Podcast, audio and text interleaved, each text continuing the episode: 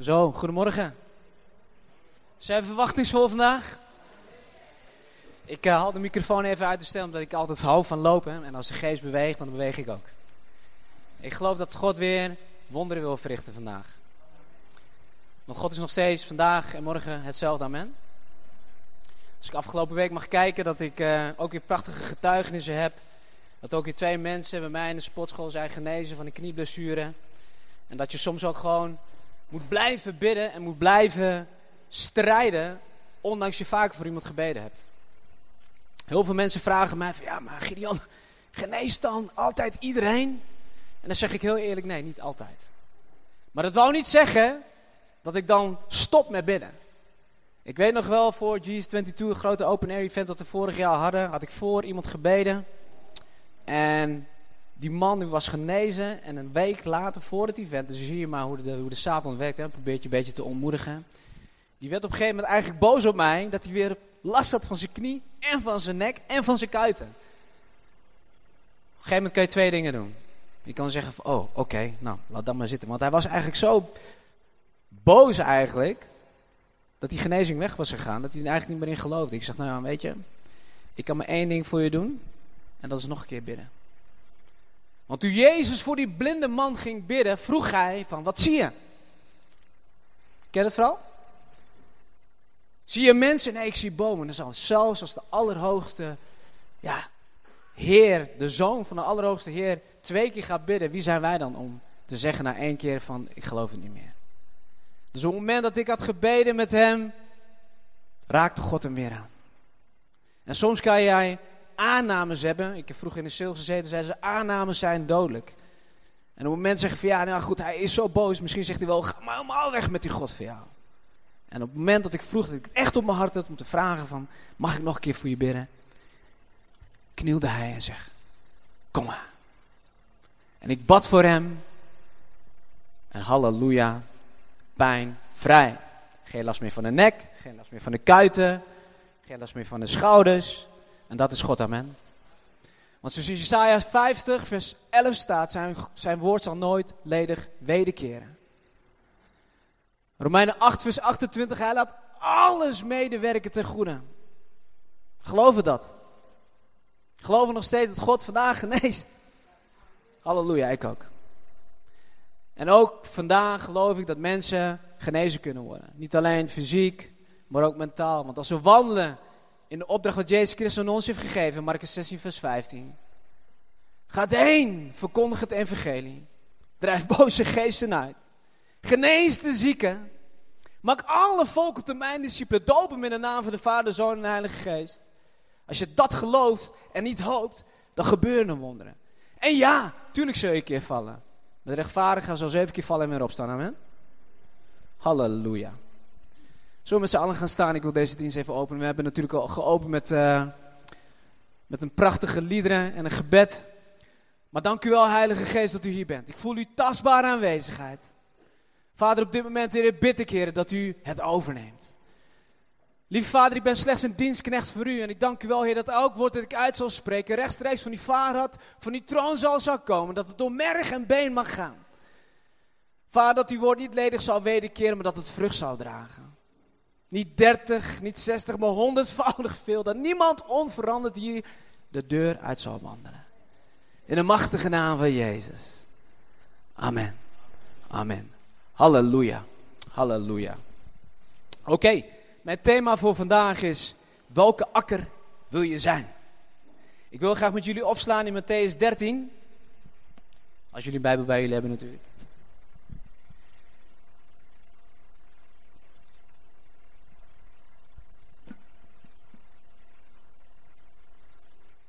Het verhaal van de zaaier. Ik lees uit de basisbijbelvertaling. Dan weten jullie dat in Jip en Janneke taal. Diezelfde dag vertrok Jezus van huis en ging bij het meer zitten. Grote groepen mensen kwamen naar hem toe. Daarom ging hij in een boot zitten en hij sprak vanaf de boot tegen de grote groep mensen die aan de kant stonden. Hij vertelde hun heel veel dingen in vorm van verhalen. Hij zei, een zaaier ging zaaien, een deel van de zaad viel langs de weg. Het werd door vogels opgegeten. Een ander deel viel op de rotsgrond en het vatte niet veel aarde. Daardoor kwam het zaad snel op, maar toen de zon opkwam, ging het dood. Het verdroogde omdat het haas geen wortels had. Een ander deel viel tussen de distels. Toen de distels opkwamen, verstikte het. Maar het vierde deel viel in goede aarde. Er groeide graan op. Sommige plaatsen honderd keer zoveel, op sommige plaatsen 60 keer zoveel. En sommige plaatsen 30 keer zoveel als er gezaaid wordt. Als je oren hebt, moet je goed luisteren. Jezus' leerlingen kwamen en vragen: waarom vertelt u toch alles in de vorm van verhalen? Hij antwoordde: omdat het de bedoeling is dat jullie de geheimen van het koninkrijk zullen begrijpen.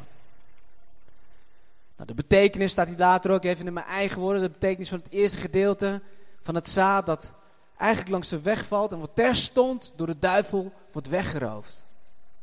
Nou, zoals ik net heb verteld, bid ik bijna dagelijks voor mensen. Pas ik het toe in, in mijn eigen leven, niet alleen op de sportschool zelf, maar ook gisteren bijvoorbeeld op een verjaardag. Ik zie eigenlijk elke gelegenheid om moment om over Jezus te praten ook als een missietrip. De meeste mensen willen, of hebben de ambitie, ik denk niet allemaal, voor iedereen kan spreken, om naar Afrika toe te gaan op zendingreis. Of misschien nog wel naar Oekraïne. Halleluja. Kijk, gezegend zei je broeder. Maar uiteindelijk is het ook fantastisch dat je ook je eigen omgeving kan beïnvloeden. Amen. En wat ik altijd doe, is altijd een moment van bidden en van vasten. Omdat ik gewoon weet dat God wat wil gaan doen op die verjaardag. Want er komen ook altijd onbekeerde mensen of mensen die Jezus nog niet kennen. En zoals gisteren ook, was een fantastisch verhaal. was een jongen die mij kent van vroeger. Vroeger. Toen nog een stoute jongetje was.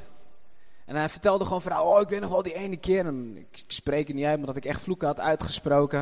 En dat hij dacht van, oh je, deze, deze gast die, die spoort echt niet.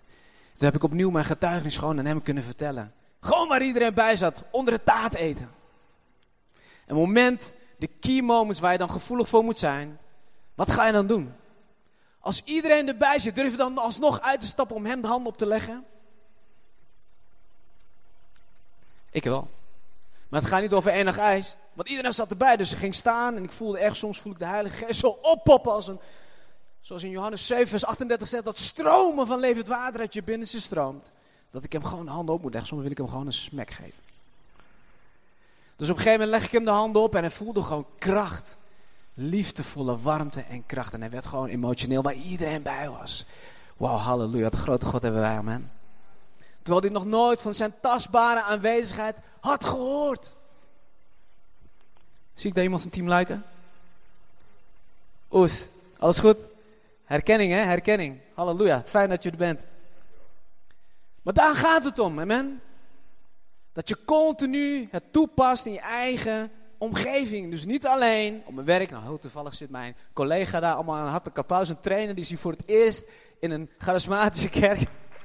Instructeur. Dat je ook je collega's vertelt. Dat je ook in de supermarkt overal eigenlijk vertelt.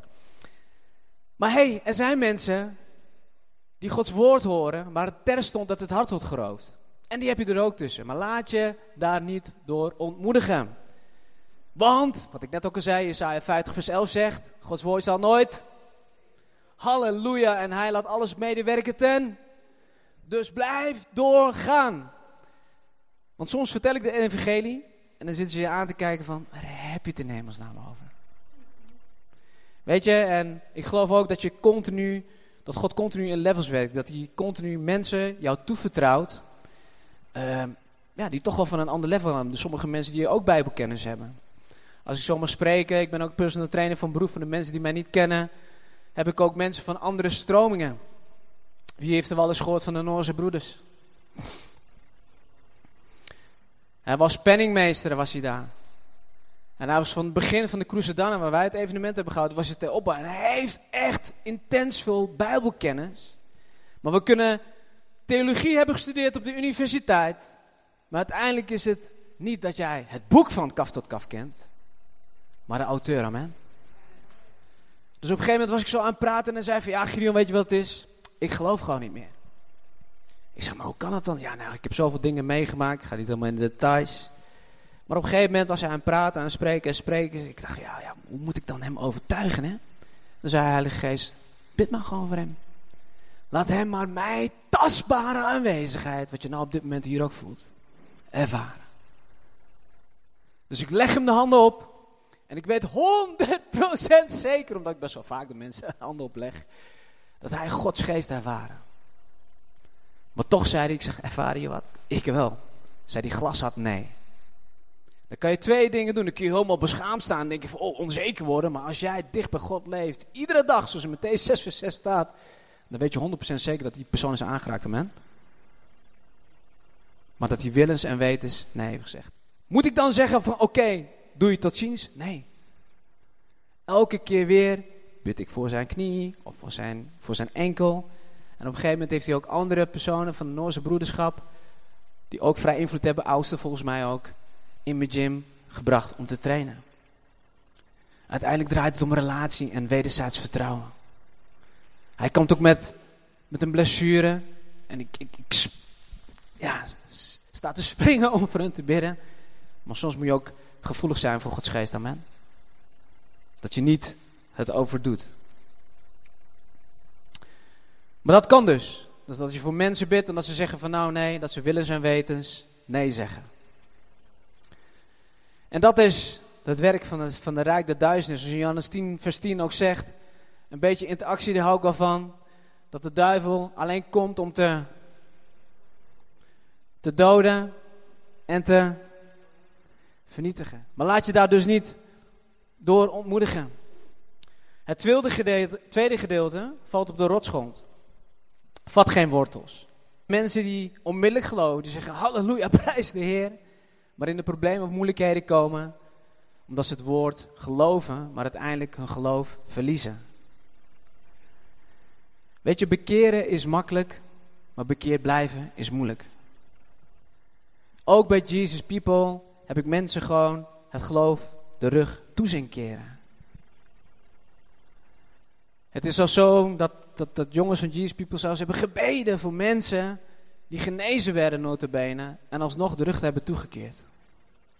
Het was al zo gek dat die toevallig ook bij mij in de sportschool vechters waren. Dat ze op een gegeven moment, dat ik ze had gewaarschuwd.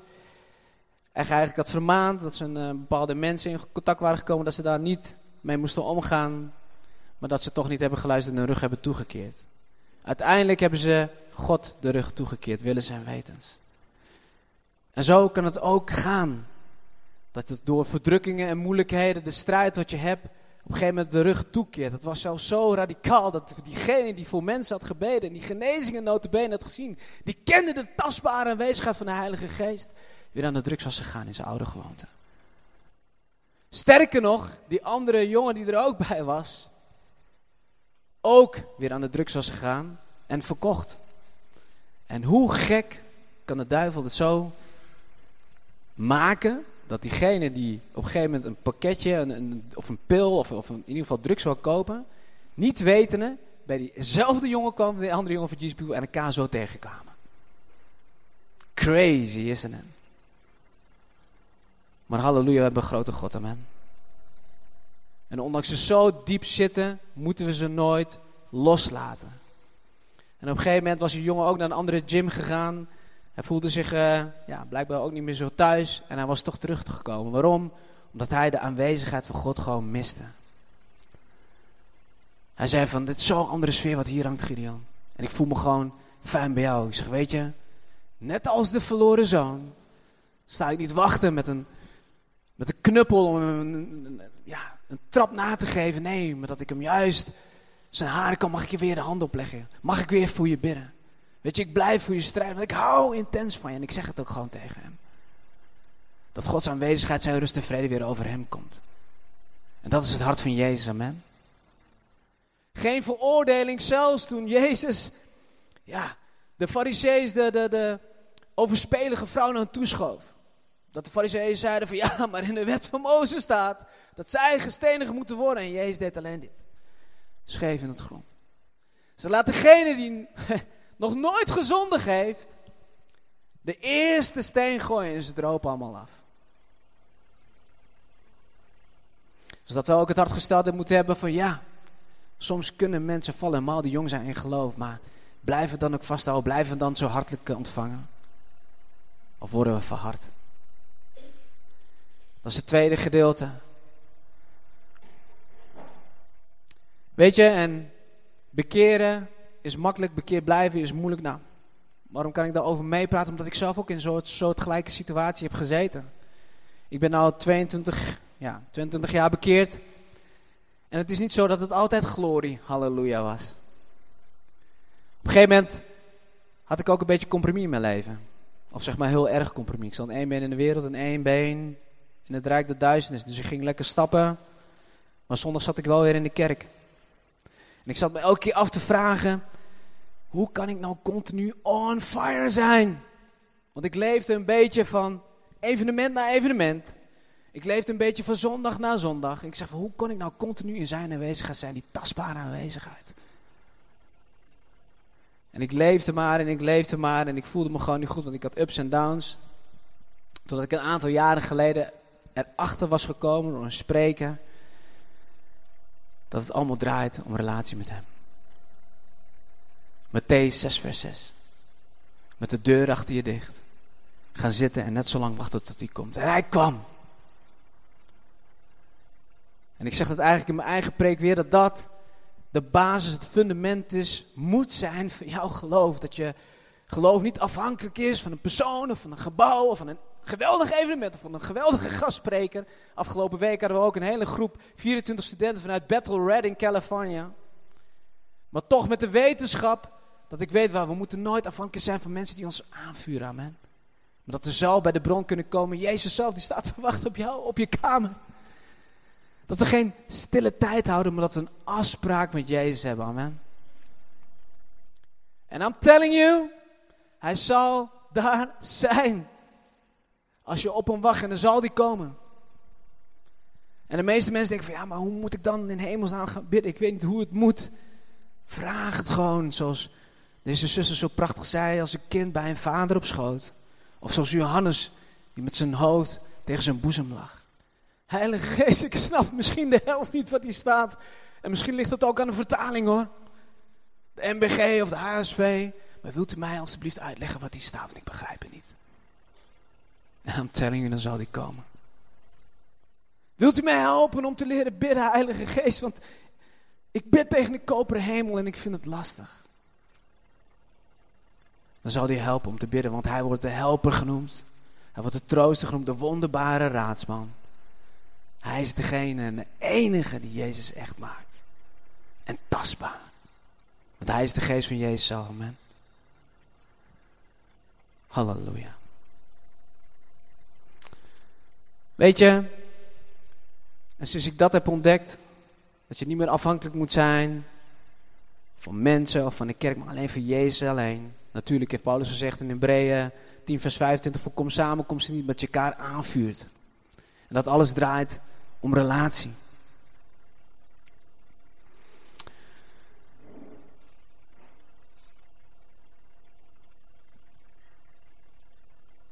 Hoe vat je wortels?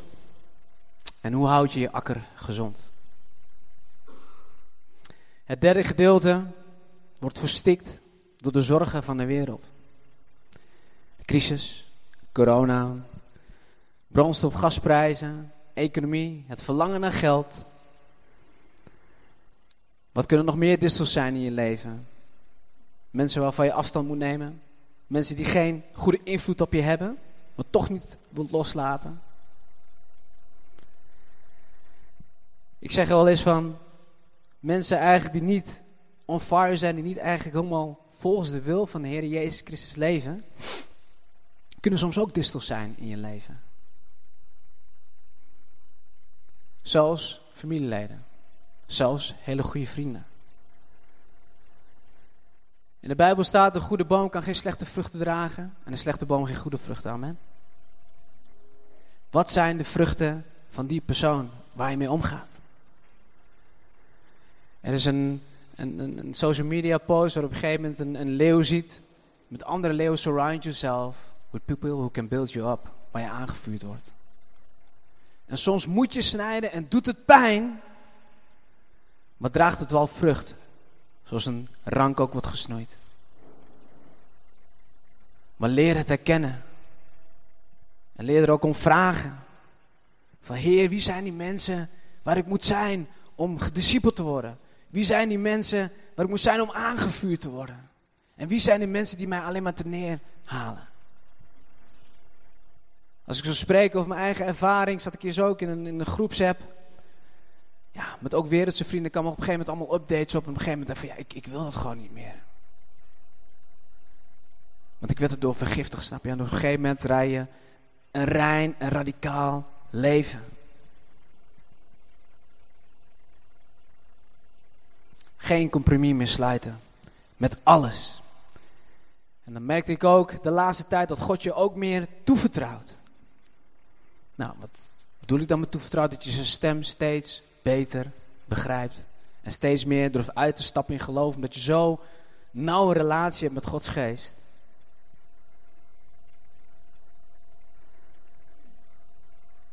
Dat op een gegeven moment die vriend, die ook in de, uh, in de app zat eerst, naar me toe kwam. En zoals ik uh, begin van mijn uh, preek ook zei, van dat ik altijd bid voor mensen voordat ze gaan komen. Dat ik elke koffievisite zie als een, als een, als een, als een, als een zendingsstrip. Dat ik op een gegeven moment weer mij, opnieuw mijn getuigenis vertelde. En ik voelde gewoon een tastbare aanwezigheid van Gods geest. En op een gegeven moment kom op het key moment daar, zoals ik zo mooi heet. En ik zeg van, Gavin, ik heb echt het gevoel dat God jou aan moet raken. Mag ik voor je bidden? En ik leg hem de handen op en hij voelt gewoon zijn tastbare aanwezigheid, gewoon krachtig. Hij zegt van, wow, dit is echt another level. Vroeger toen ik nog cocaïne met jou had gesnoven, ecstasy had gesnoven, was ook een soort van euforisch gevoel. Maar dit is another level. Dit is de echte, echte.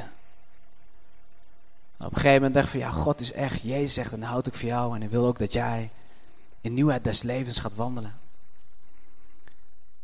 En even later, toen hij de jas aantrok, ervaar ik dat Gods geest tegen mij zei: Ik wil hem opnieuw aanraken. Zodat hij volledig echt weet dat het geen toeval was. Maar dat ik echt een God ben die bestaat. Dus op een gegeven moment zei ik zo, Gavin, je moet altijd gehoorzaam zijn aan de stem van de Heilige Geest. Maar de Godgeest wil je weer aanraken. En ze ben klaar voor? Hij zei, ja, doe maar. Dus ik leg hem de handen op een jongen die nog nooit van het evangelie heeft gehoord, nog nooit van zijn tastbare aanwezigheid, nog nooit van heeft gelezen in 2 Kronieken 5 vers 15, dat de wolk van zijn tegenwoordigheid de tempel vervulde, dat de priesters niet eens meer konden staan. Konden staan van zijn aanwezigheid. Legde ik de hand op en voelde Gods glorie gewoon en hij viel gewoon vooruit. Maar in zijn glorie, in zijn heerlijkheid. Hij zei, Gideon, wat gebeurt er? Gebeurt er? Het? Ik weet niet wat er gebeurt, maar het voelt wel goed. Ik zeg, dat is die tastbare aanwezigheid die God je wil openbaren. En dat is ook wat ik geloof in de tijd waar we nou leven.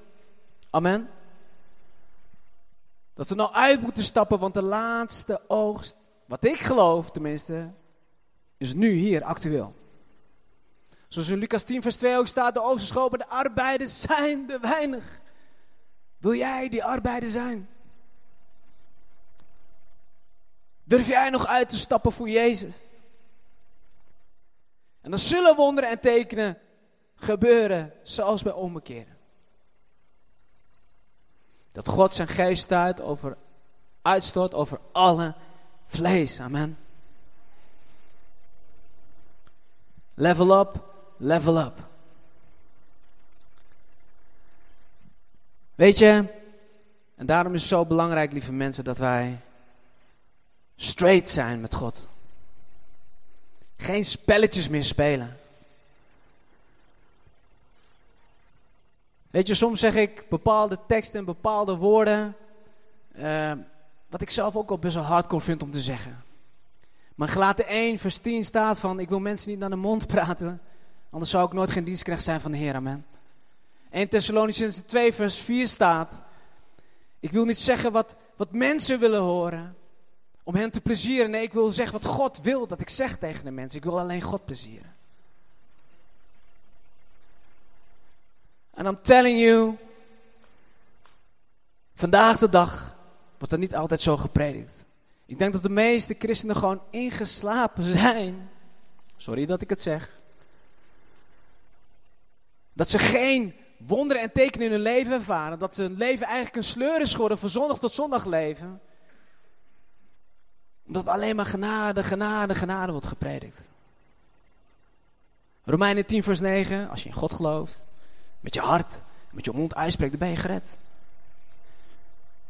Johannes 5 vers 24, en ieder die gelooft dat de Zoon van God is gestuurd door God zelf, heeft geen veroordeling. Dat klopt, halleluja. Maar we moeten ook verder lezen. Amen. Wordt het, uh, deze spreek opge opgenomen? Halleluja. Dan hoef je niet op te schrijven. Maar dat we ook verder moeten lezen aan de volgende teksten. You better get ready. Matthäus 7 vers 21. Matthäus 5 vers 46. Lucas 6 vers 46. Lucas 13 vers 24. Gelaten 5 vers 21. Het hele boek van Judas. Openbaring 21 vers 7. 1 Petrus 4 vers 18. 1 Colossense vers 23. Jacobus 2 vers 15.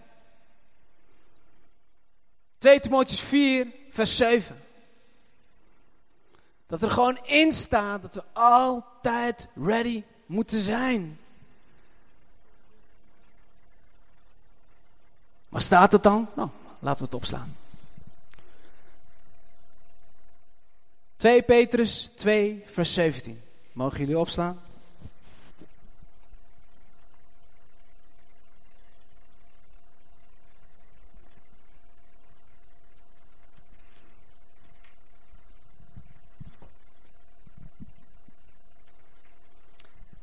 Weet je, als uh, de Bijbel spreekt, dat is niet de Gideon vertaling, maar de baasbijbelvertaling in dit geval, zegt gewoon dat zulke mensen zijn als bronnen waar geen water meer uitkomt.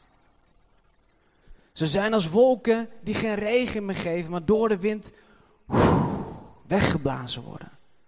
Ze zullen voor eeuwig in het diepe duisternis terechtkomen, want ze leven er maar op los. En ze doen maar wat ze willen met hun mooie praatjes, verleiden ze mensen die nog maar pas aan het kwaad zijn ontsnapt. Ze halen mensen weer over om dezelfde slechte dingen te doen als eerst. Ze beweren dat ze de vrijheid komen brengen, maar zo zijn ze slaven van de kwaad, want de mens is de slaaf van wat hem en zijn macht heeft. En nu komt het. Eerst hebben ze Jezus Christus wel als redder en Heer leren kennen. Daardoor waren ze aan de vuiligheid van de wereld ontsnapt. Maar later zijn ze weer naar een oude manier van leven teruggegaan. Daardoor zijn ze op het laatst nog erger aan toe geworden dan in het begin. Zoals ik zei met die twee jongens die bij Jesus People waren. Ze willen nu niet meer te maken hebben met hoe God wil dat ze leven. Maar dan was het beter voor hem, ik, ik herhaal, dan was het beter voor hen geweest dat ze nooit iets over het hadden geweten. Want met hem is het dan gebeurd wat een spreekwoord zegt als een hond dat die teruggaat naar zijn eigen braaksel. Of wat een ander spreekwoord zegt als een schoongewassen varken teruggaat naar de modder.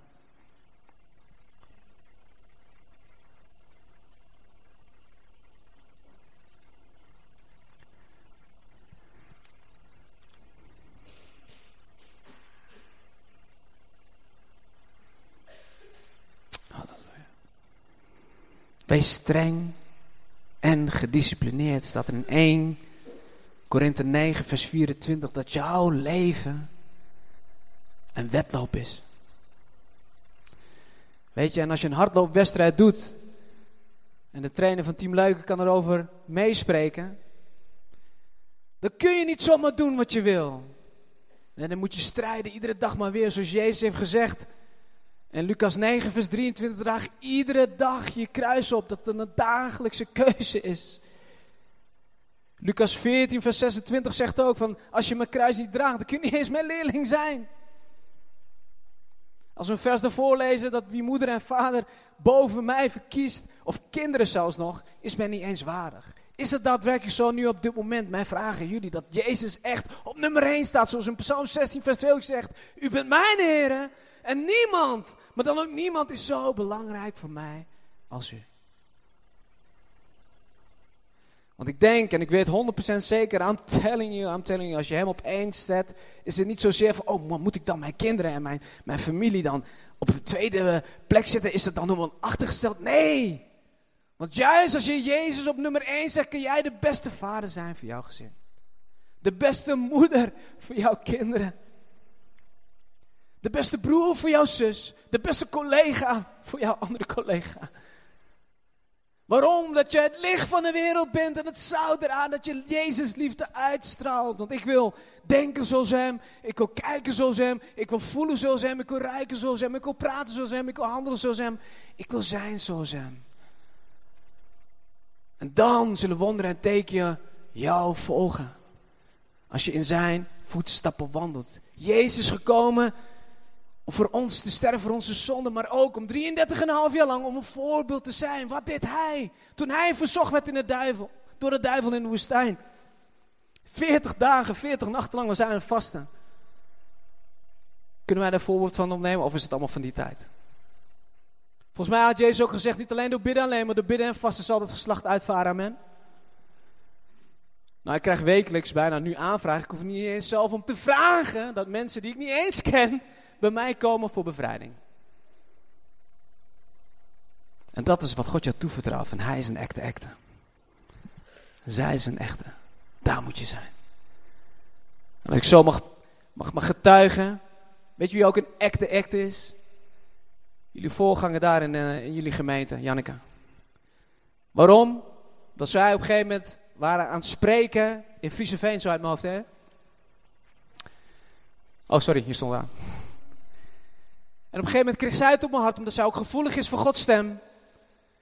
Zei ze tegen een meisje die ze nog nooit had ontmoet en dat meisje haar nog nooit had ontmoet. Je moet naar Gideon gaan. En ik zal je wat vertellen, zij trainde al bij mij en ik had al op mijn hart om voor haar te bidden. En ze mailde mij op een gegeven moment, ze appte mij van wat ik nou heb meegemaakt. Ik was bij een, een, een samenkomst waar Willem en Janneke moest spreken. En Janneke die kreeg gewoon op het hart om dat tegen mij te zeggen. Terwijl jij een afspraak met mij hebt gemaakt om voor mij te bidden. Maar halleluja, dat is Gods koninkrijk, amen. En als jij één van geest bent, dan strijden we samen zij aan zij. Om elkaar aan te vuren. Zoals ik al zei, van die, die groep leeuwen. Surround yourselves met people who can build you up. Als je continu teleurgesteld bent of merkt dat je in een andere atmosfeer komt met mensen waar je eigenlijk denkt van ja, Vertel me wie je vrienden zijn, dan weet ik hoe jij bent. Soms moet je snoeien. En dat zal je vrucht dragen. Meerdere vrucht. Weet je, en dat is ook mijn hartsverlangen voor vandaag. Om mensen aan te vuren om volledig voor de volle 100% zonder compromis voor Jezus te gaan. Opnieuw en opnieuw en opnieuw. Want Gods geest is hier nu op dit moment aanwezig. Hij wil je opnieuw bevrijding geven. Genezing daar waar nodig is. Maar bovenal het heilig, heilig vuur. Zoals zo mooi zongen. Dat de engelen meezingen. Want de engelen zijn inderdaad. Die omringen zich voor hen die in vrezen. En wij zijn allemaal God vrezend. Amen. En we willen niet. Als we voor Gods troon staan. Dat hij zegt van wat zijn jouw vruchten. Want Jezus heeft uiteindelijk ook gezegd, als er geen vruchten wordt gedragen, van Heer, alstublieft laat hem nog één jaar in de tuin staan. Dan zal het daadwerkelijk ook vrucht dragen. Maar mocht er daarna geen vrucht meer gedragen worden, hak hem dan maar weg.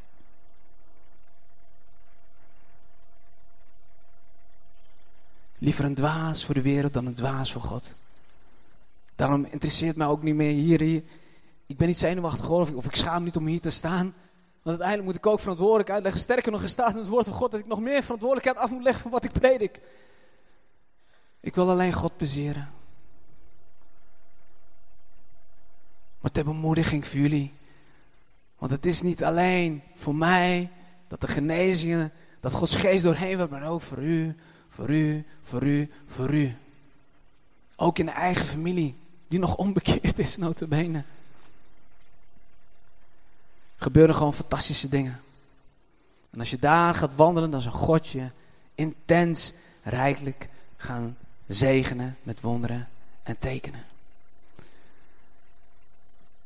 Maar ook mensen die bijvoorbeeld, ja, zoals ik al zei, Jezus de rug hebben toegekeerd. Als ik zo mag kijken dat diegene die mij notabene tot bekering heeft gebracht, ook in het diepvries zat. Door teleurstelling, die eigenlijk door mensen was teleurgesteld. En op een gegeven moment was het zo dat, ik, uh, ja, dat we een afspraak met hun hadden. En dat ik gewoon Gods aanwezigheid gewoon ervaren om weer voor hun te bidden. En ik zei tegen hem van, joh, jij bent eigenlijk gewoon diegene die voor mij, ja, gebeden die mij tot bekering heeft gebracht, joh. Weet je, maar God wil je weer activeren. En als jij hier vanavond zit en je bent misschien teleurgesteld door mensen, je zit misschien in een diepvriesmode, dan wil de Heilige Geest je op dit moment ontdooien. Hij wil je weer activeren. En dat zei ik ook tegen hem. Want het is een sneltrein waar we nou doorheen gaan. Tjut, tjut. De laatste oogst. De laagste oogst. Wie wil een arbeider zijn? Wil je de trein voorbij laten gaan? Of wil je instappen en zeggen, let's go. Oh, voor zijn glorie. En dan zei je ja. En nu drie weken later komen steeds meer oud bekeren, om het zo te zeggen. Zodat ik het zeg, maar het is wel zo. Die weer actief zijn voor Jezus. Want hij is vandaag, morgen en tot het heden nog steeds hetzelfde. Hij is onveranderd. Misschien dat de duivel je wel zo denken of jezelf wel zo laten denken van... Oh nee, God is niet meer dezelfde. Weet je nog vroeger die glorietijden? Mijn eerste liefde doet licht oplaaien. Nee, voor eeuwig en voor eeuwig, voor altijd. Opnieuw. Level up, level up. En als jij hier vanavond bent, sorry, we hebben altijd avonddiensten, deze ochtend bent. Om aangevuurd te worden door de kracht van de Heilige Geest, weer die intieme relatie met Hem te hebben. Waar je gewoon weer op je kamer zit te huilen, te zitten in je eigen plasje tranen en snot. Omdat je weer tegen zijn boezem ligt. Dat is Johannes. Want zoals een hert verlangt naar water, zo verlangt mijn ziel naar u, zoals het liedje zegt. Of Psalm 42, vers 2. Kennen jullie dat liedje trouwens?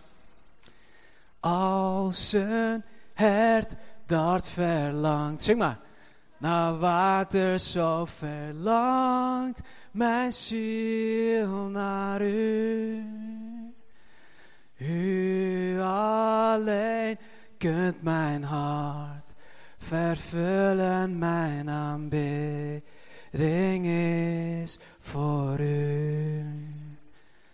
U alleen vult mijn hart. Zing maar. Aan u alleen geef ik mijn geheel. U alleen kunt mijn hart vervullen, mijn aanbidding is aan u. Halleluja. Zo gaan staan.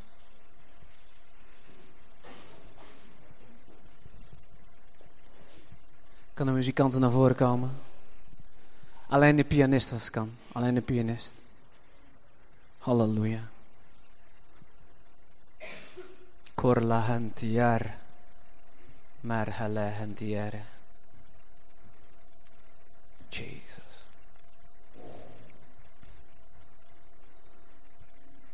Karalahantiare bekay.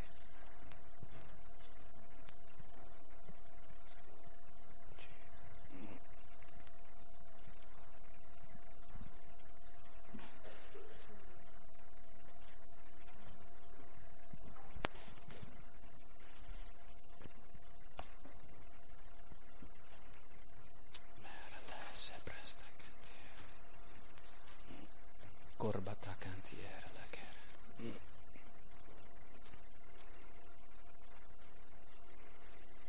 Jezus. Halleluja. Ik kon net in gebed gaan om een oproep te doen. Maar als de Heilige Geest tot me spreekt, dan moet je gehoorzamen. Amen. En hij gaf me de volgende tekst voor jullie. Dat je teruggaat naar het hart van aanbidding. En dat lees ik uit Psalm 145. Ik zal u eren, mijn God. Mijn koning. Ik zal u voor altijd en eeuwig prijzen. Alle dagen zal ik u prijzen. Ik prijs u voor altijd en voor eeuwig. Want u bent geweldig. U verdient het te worden geprezen. U bent zo machtig. Het is niet te begrijpen. Door de eeuwen heen zullen mensen blij over, zijn, u zijn voor wat u heeft gedaan. Ze zullen vertellen wat voor geweldige dingen u heeft gedaan. Ik zal vertellen over uw macht en majesteit en over uw wonderen. Dan zullen mensen spreken over de geweldige dingen die u heeft gedaan. Ik zal over uw macht vertellen. Ze zullen vertellen over uw goedheid. Ze zullen juichen over uw rechtvaardigheid. De Heer is vriendelijk en vol medelijden. Hij is geduldig en vol liefde. De Heer is goed voor iedereen. Aan alles wat hij doet is te zien dat hij liefdevol is. Alles wat u heeft gemaakt zal u prijzen, Heer. Ook uw vrienden zullen u prijzen, zullen over u vertellen wat een machtige en geweldige koning u bent.